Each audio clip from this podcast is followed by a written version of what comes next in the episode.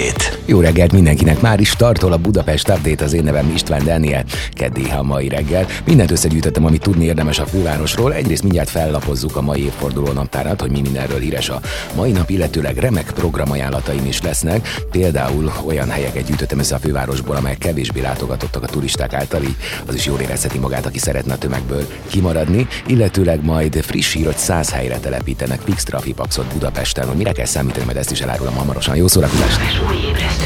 Budapest Update István Dániellel. Minden hétköznap reggel héttől a főváros és környéke legfontosabb híreivel. Változatos és értékes tartalom. Élet, öröm, zene. Ez a Manna FM. Jó reggelt mindenkinek, ez a KED reggeli Budapest Update. Egyébként február 28-ára ébredtünk.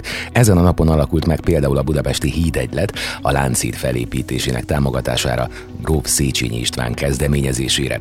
124 éve ezen a napon hunyt el Gróf Aponyi György országbíró, a későbbi neves politikus Gróf Aponyi Albert apja. Eberhardtban 90 éves korában hunyt el, tanulmányait a Pozsonyi Jogakadémián végezte 1823 és 26 között, aztán később a Bécsi Magyar Kancellárián volt tisztviselő. A későbbiek folyamán az országgyűlésben is feltűnt, és a felső táblán a konzervatívok egyik vezére lett. 1840-től a királyi kúrián táblabíró, 44 novemberétől a Bécsi Magyar Kancellárián alkancellár, majd másodkancellár, 1847 novemberétől 1848 márciusáig első kancellár volt. A reform ellenzék háttérbe szorítására az egész országban képítette az adminisztrátori rendszert, az 1846-ban létrejött konzervatív párt egyik vezéralakja volt. Aztán 1848. március 13-án a Bécsi forradalom kitörésekor mondott le kancellári tisztségéről, szervezkedett a forradalom ellen, és a Bécsi udvar támogatta a szabadságharc idején is. 78 éve a budai Szikla kórházban hunyt el Kánya Kálmán, a két háború közötti időszak legeredményesebb külügyminisztere. Sírja a győri régi Szent Mihály temetőben van. 41 éve hunyt el Dózsa Farkas András szobrászipari formatervező ezen a napon, aki megszervezte és elindította a formatervezés oktatást Magyarországon. 1925-ben állított ki először a műcsarnokban. Az 50-es évek elején készült alkotásai a szocialista realizmus iskola példái voltak, később különböző fém megmunkálási technikákkal foglalkozott, elsősorban épületdíszítő lemezdomborításokat készített. 1949-től a Magyar Iparművészeti Főiskolán volt tanár, 50-ben szervezte a fémipari formatervező tanszéket, 1987-ben az ipari formatervező szakmai díjat alapított.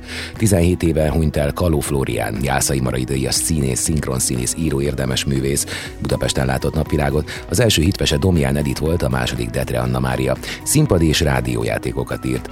Ilyen volt a Nyára szigeten, mesék az Ezer egy éjszakáról, a Noszti fiú esete Tóth Marival, Két emelet boldogság, Vízipók, Csodapók, illetőleg szinkronizálta dr. Bubót is. Ö, a mai napon egyébként nagyon hasonló időjárásra kell számítani, mint amilyen a tegnapi volt. Egy picit talán melegebb lesz, 7 fok lesz a csúcs a hajnali fagyok után, aztán tulajdonképpen 10-11 fokig is emelkedik a héten a hőmérséklet, és aztán a hétvégén kell egy bezuhanásra számítani. Csapadéktól viszont szerencsére nem kell tartani, és talán a nap is egyre többször mutatja meg magát. Nézzük a közlekedési információkat. Zsúfoltságra kell készülni a hatos főúton befelé az m 0 autóútnál, az M1-M7-es közös bevezető szakaszán az Egér úttól és tovább a Budaörsi úton. Lassú a haladás a Budakeszi úton és a Hűvösvölgyi úton befelé a Szilágyi Erzsébet falsor előtt, a 10-es főúton befelé az Ürömi úti körforgalomnál, valamint a Szentendrei úton befelé a Bogdáni útnál. Erős a forgalom a Váci úton, a belváros felé szakaszonként, az M3-as autópálya bevezető szakaszán az m 0 autóút és a Szerencs utca között, illetve a Kerepesi úton befelé a Hungária körút közelében. Terítettek a sávok az Üllői úton, a belváros irányában, a nagyobb csomópontok előtt, a Nagykörösi úton befelé a Nagy Sándor József utcai felüljárótól, valamint a Soroksári út közraktár utca útvonalon az Illatos úttól. Akadozik az előrejutás a Budai alsórakparton észak felé a Petőfi hídnál, dél felé a Margit hídtól az Erzsébet hídig, a Pesti alsórakparton észak felé az Erzsébet híd környékén, dél felé a Margit hídtól a Lánchídig, és fennakadásra kell számítani a Rákóczi úton a Blaha tér közelében is, a Vámász körúton a Kálvin tér előtt, a Nagykörúton és a Hungária körgyűrűn szakaszonként mindkét irányban. Ezek voltak az én információim a BKK híreinek alapul, de tulajdonképpen a 0677 ra bárki elküldheti a saját közlekedési információit is, tudom tájékoztatni a többieket. Sok mindenről lesz szó a mai Budapest update-ben, például nem sokára majd arról mesélek, hogy március 20-ától a jelenleginél több busz közlekedik majd a Lánchídon, hogy miféleképpen. Azt is elárulom, aztán folytatódik a Budafoki pincejárat programsorozat a 22. kerületben majd márciusban, illetőleg arról is esik majd szó, hogyha mondjuk egy picit azokat a tömegterületeket, ahová leginkább a turisták járkálnak Budapesten fotózkodni, és egy picit önmagunk lennénk, de mégis kirándulnánk, akkor milyen helyeket érdemes felkeresni a fővárosban, amelyek annyira nem népszerűek vagy ismertek a turisták. A legfrissebb hírek Budapestről és környékéről. Ez a Manna FM Budapest Update. Jó reggelt mindenkinek! Szokás szerint ilyenkor mindig fellapozom a különböző hírportálokat, illetve kínom az újságokat, hogy mindenki első kézből értesüljön arról, amit érdemes tudni a fővárosról. Hát, volt bőven mit olvasnom. Például 100 helyen telepítenének fix trafipaxot Budapesten. A Hungária körúton belül 50 km per órában, a nagykörúton pedig 40 km per órában maximálnák a sebességet a főutakon is. Ezt tartalmazza a Budapesti Közlekedési Központ új közlekedés biztonsági stratégiája, amelynek célja, hogy nullára csökkentsék a halálos balesetek számát a fővárosban. Nőnap alkalmából több közterületet is nőkről neveznének el a budapesti második kerületben. Őrsi Gergely, a polgármester Facebook oldalán jelentette be, hogy március 8 alkalmából mely közterületekre várnak névjavaslatokat.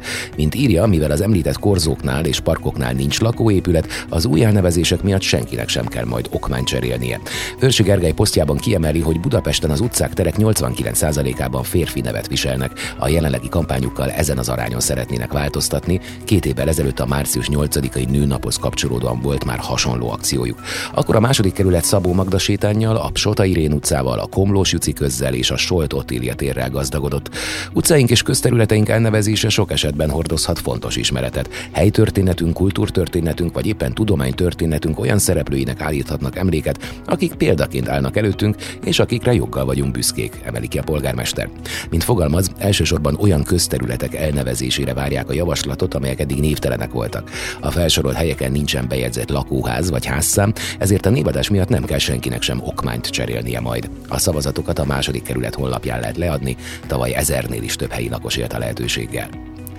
Március 20-ától a jelenleginél több busz közlekedik majd a Lánchídon, közölte a Budapesti Közlekedési Központ a BKK.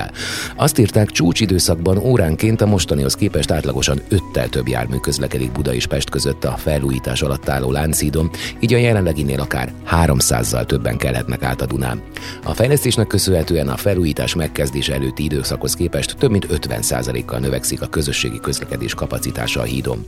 Március végétől csúcsidőben sűrűbben jár majd a 105-ös busz, emellett a hónap végétől az akkor már a Naphegy tér és a Deák Ferenc tér között közlekedő 178-as busz is segíti a Duna két partja közt utazókat.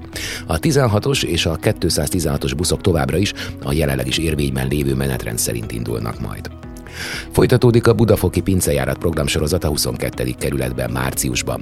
Minden hónap első szombatján lesznek látogathatóak az esemény sorozat programjai Budafok lenyűgöző pincéiben, amelyek a tavalyi évben több mint tízezer vendéget vonzottak. Az önkormányzat munkatársai és a pincejárat partnerei közötti szoros együttműködés révén valósulhat meg az is, hogy Budafok Budapest bornegyedévé váljon.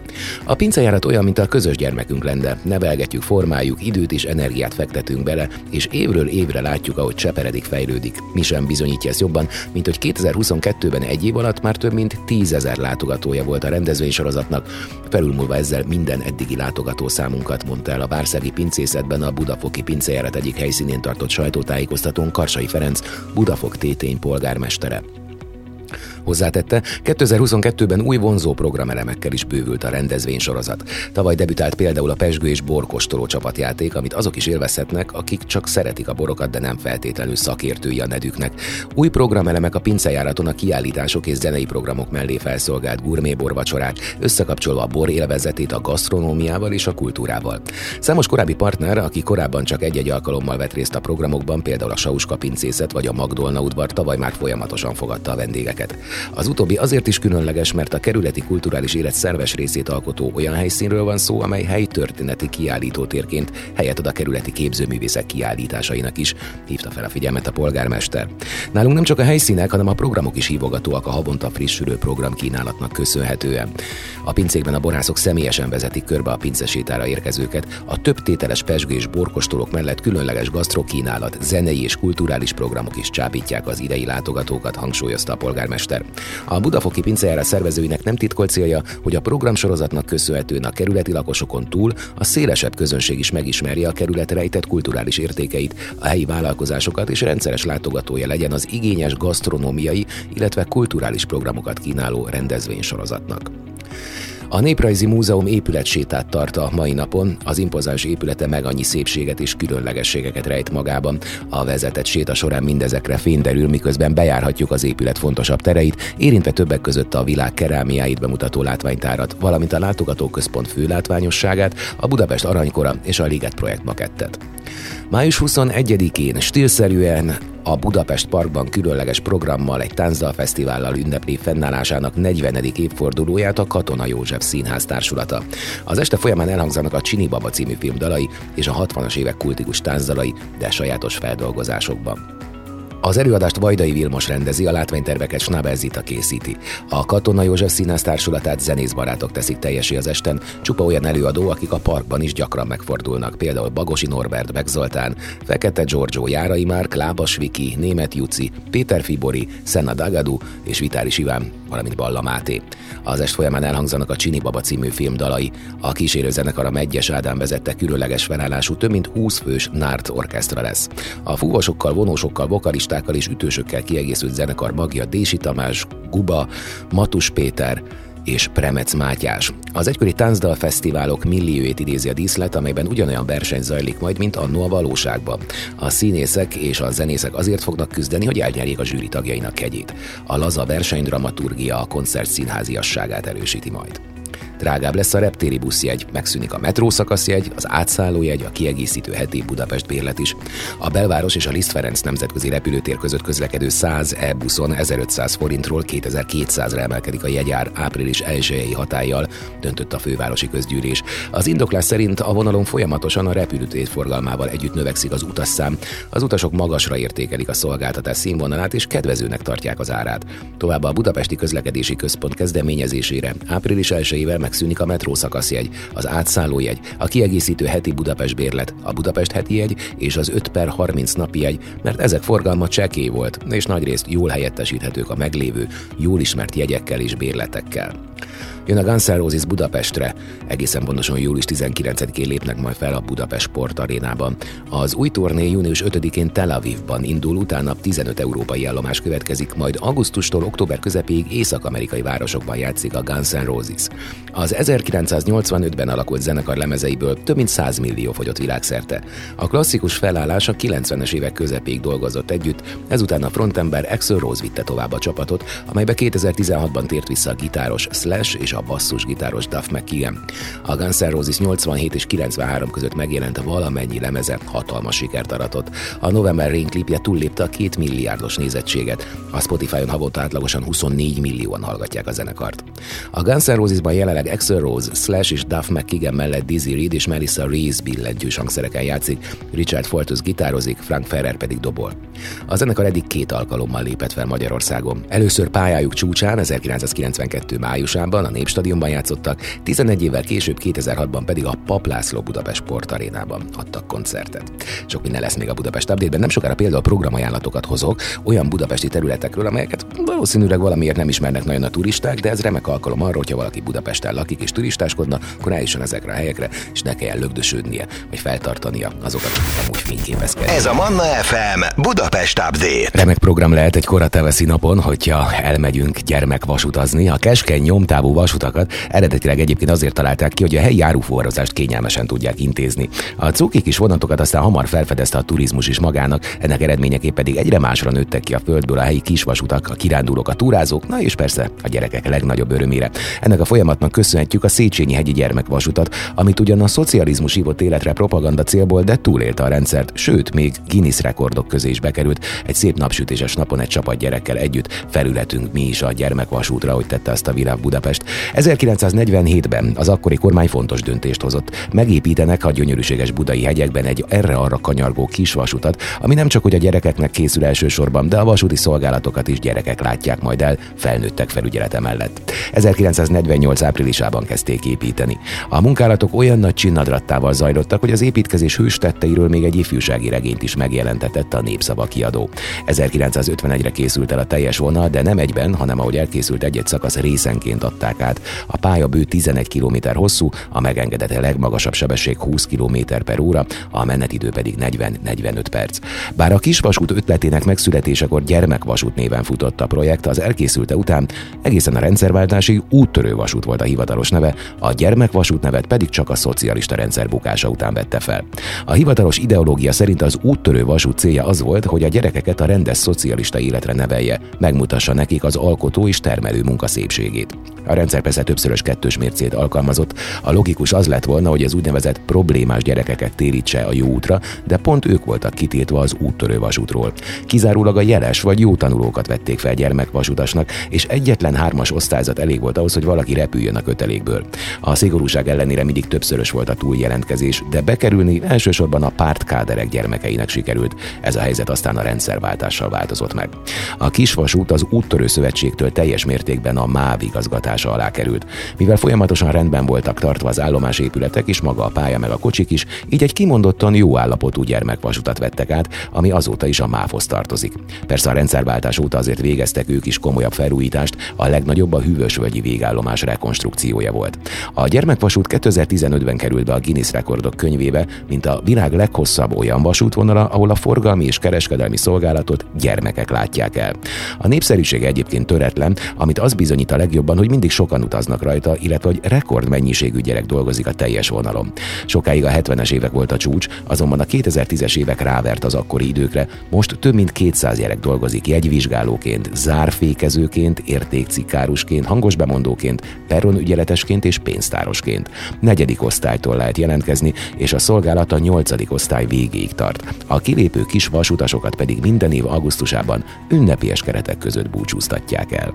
Ha a Loármenti kastélyokat nem is, de a főváros környéki pompás barok épületeket akár a hétvégéken is felfedezhetjük magunknak. Egyrészt jól esik egy kicsit befeledkezni a valaha volt arisztokrata fényűzés világába, és elképzelni, milyen bálok és díszes vacsorák vagy titkos találkák emlékét őrzik a falak. Másrészt a hétköznapi robotból is segített egy picit kiszakadni.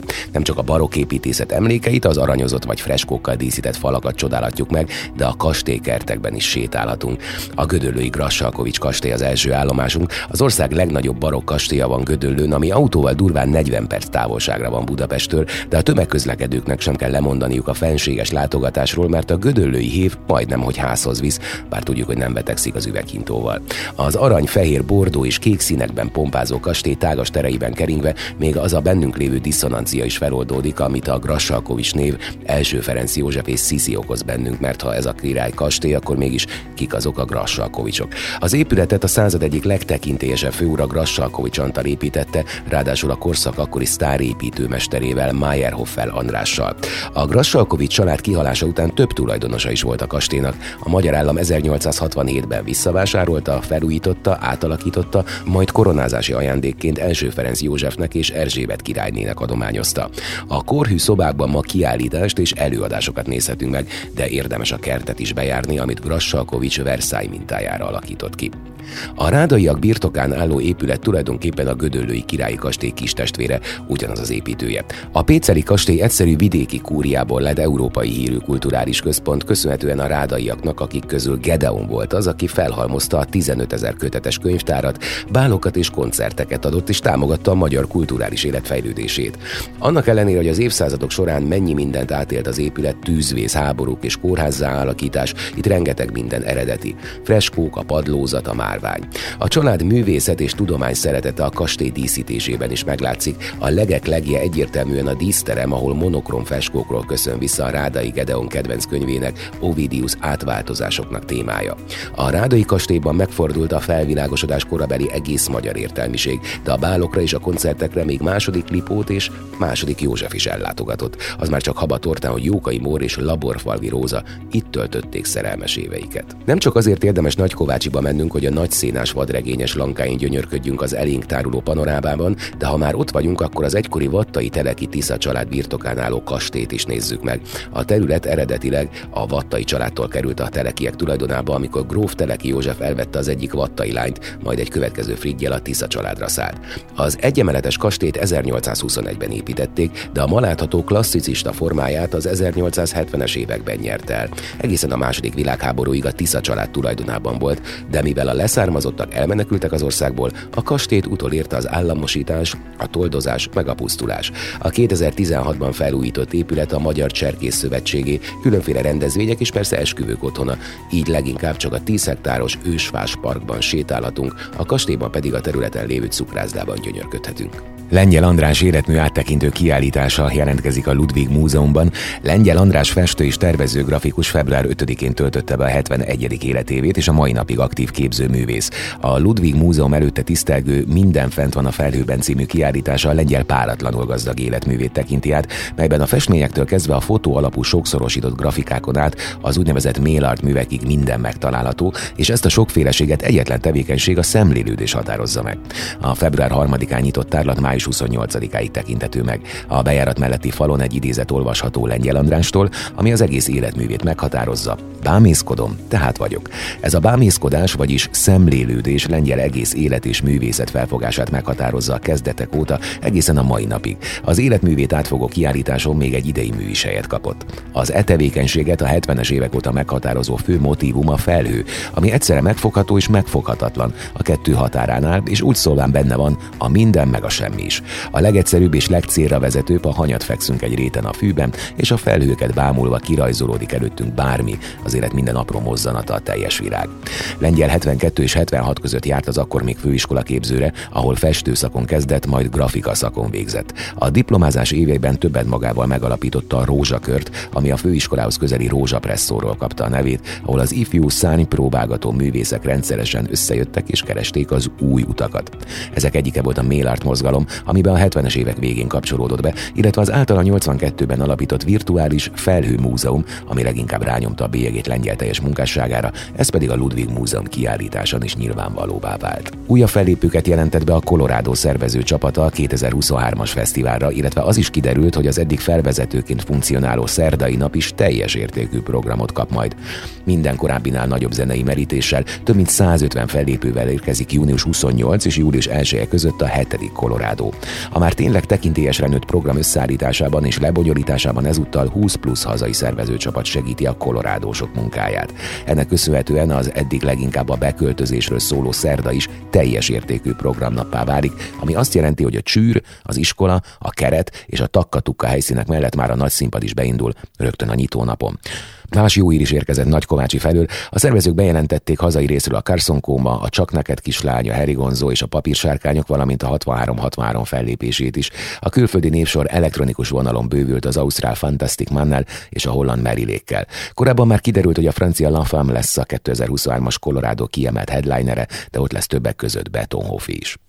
Elindult a láncid melletti ötcsillagos szálloda a Sofitel átalakítása, már zajlik a részleges bontás. A Dunai szállodasor egyik jellegzetes természetes épülete a 82-ben megnyitott Sofitel, akkor még átrium helyett, amelynek kiugró barnás ablakaira biztosan mindenki felfigyelt már, amikor a Duna partján sétálgatott. Az épületet már nem sokáig láthatjuk eredeti állapotában, ugyanis kívül belül megújul, és már meg is kezdődtek a részleges bontási munkálatok. A 24.hu írta meg, hogy a szállodát részleges emeleti szinttel, hét új felvonóval, két mozgó lépcsővel bővítik, a homlokzat kiugró sávjait pedig kör alakú szitanyomott ablakok veszik át.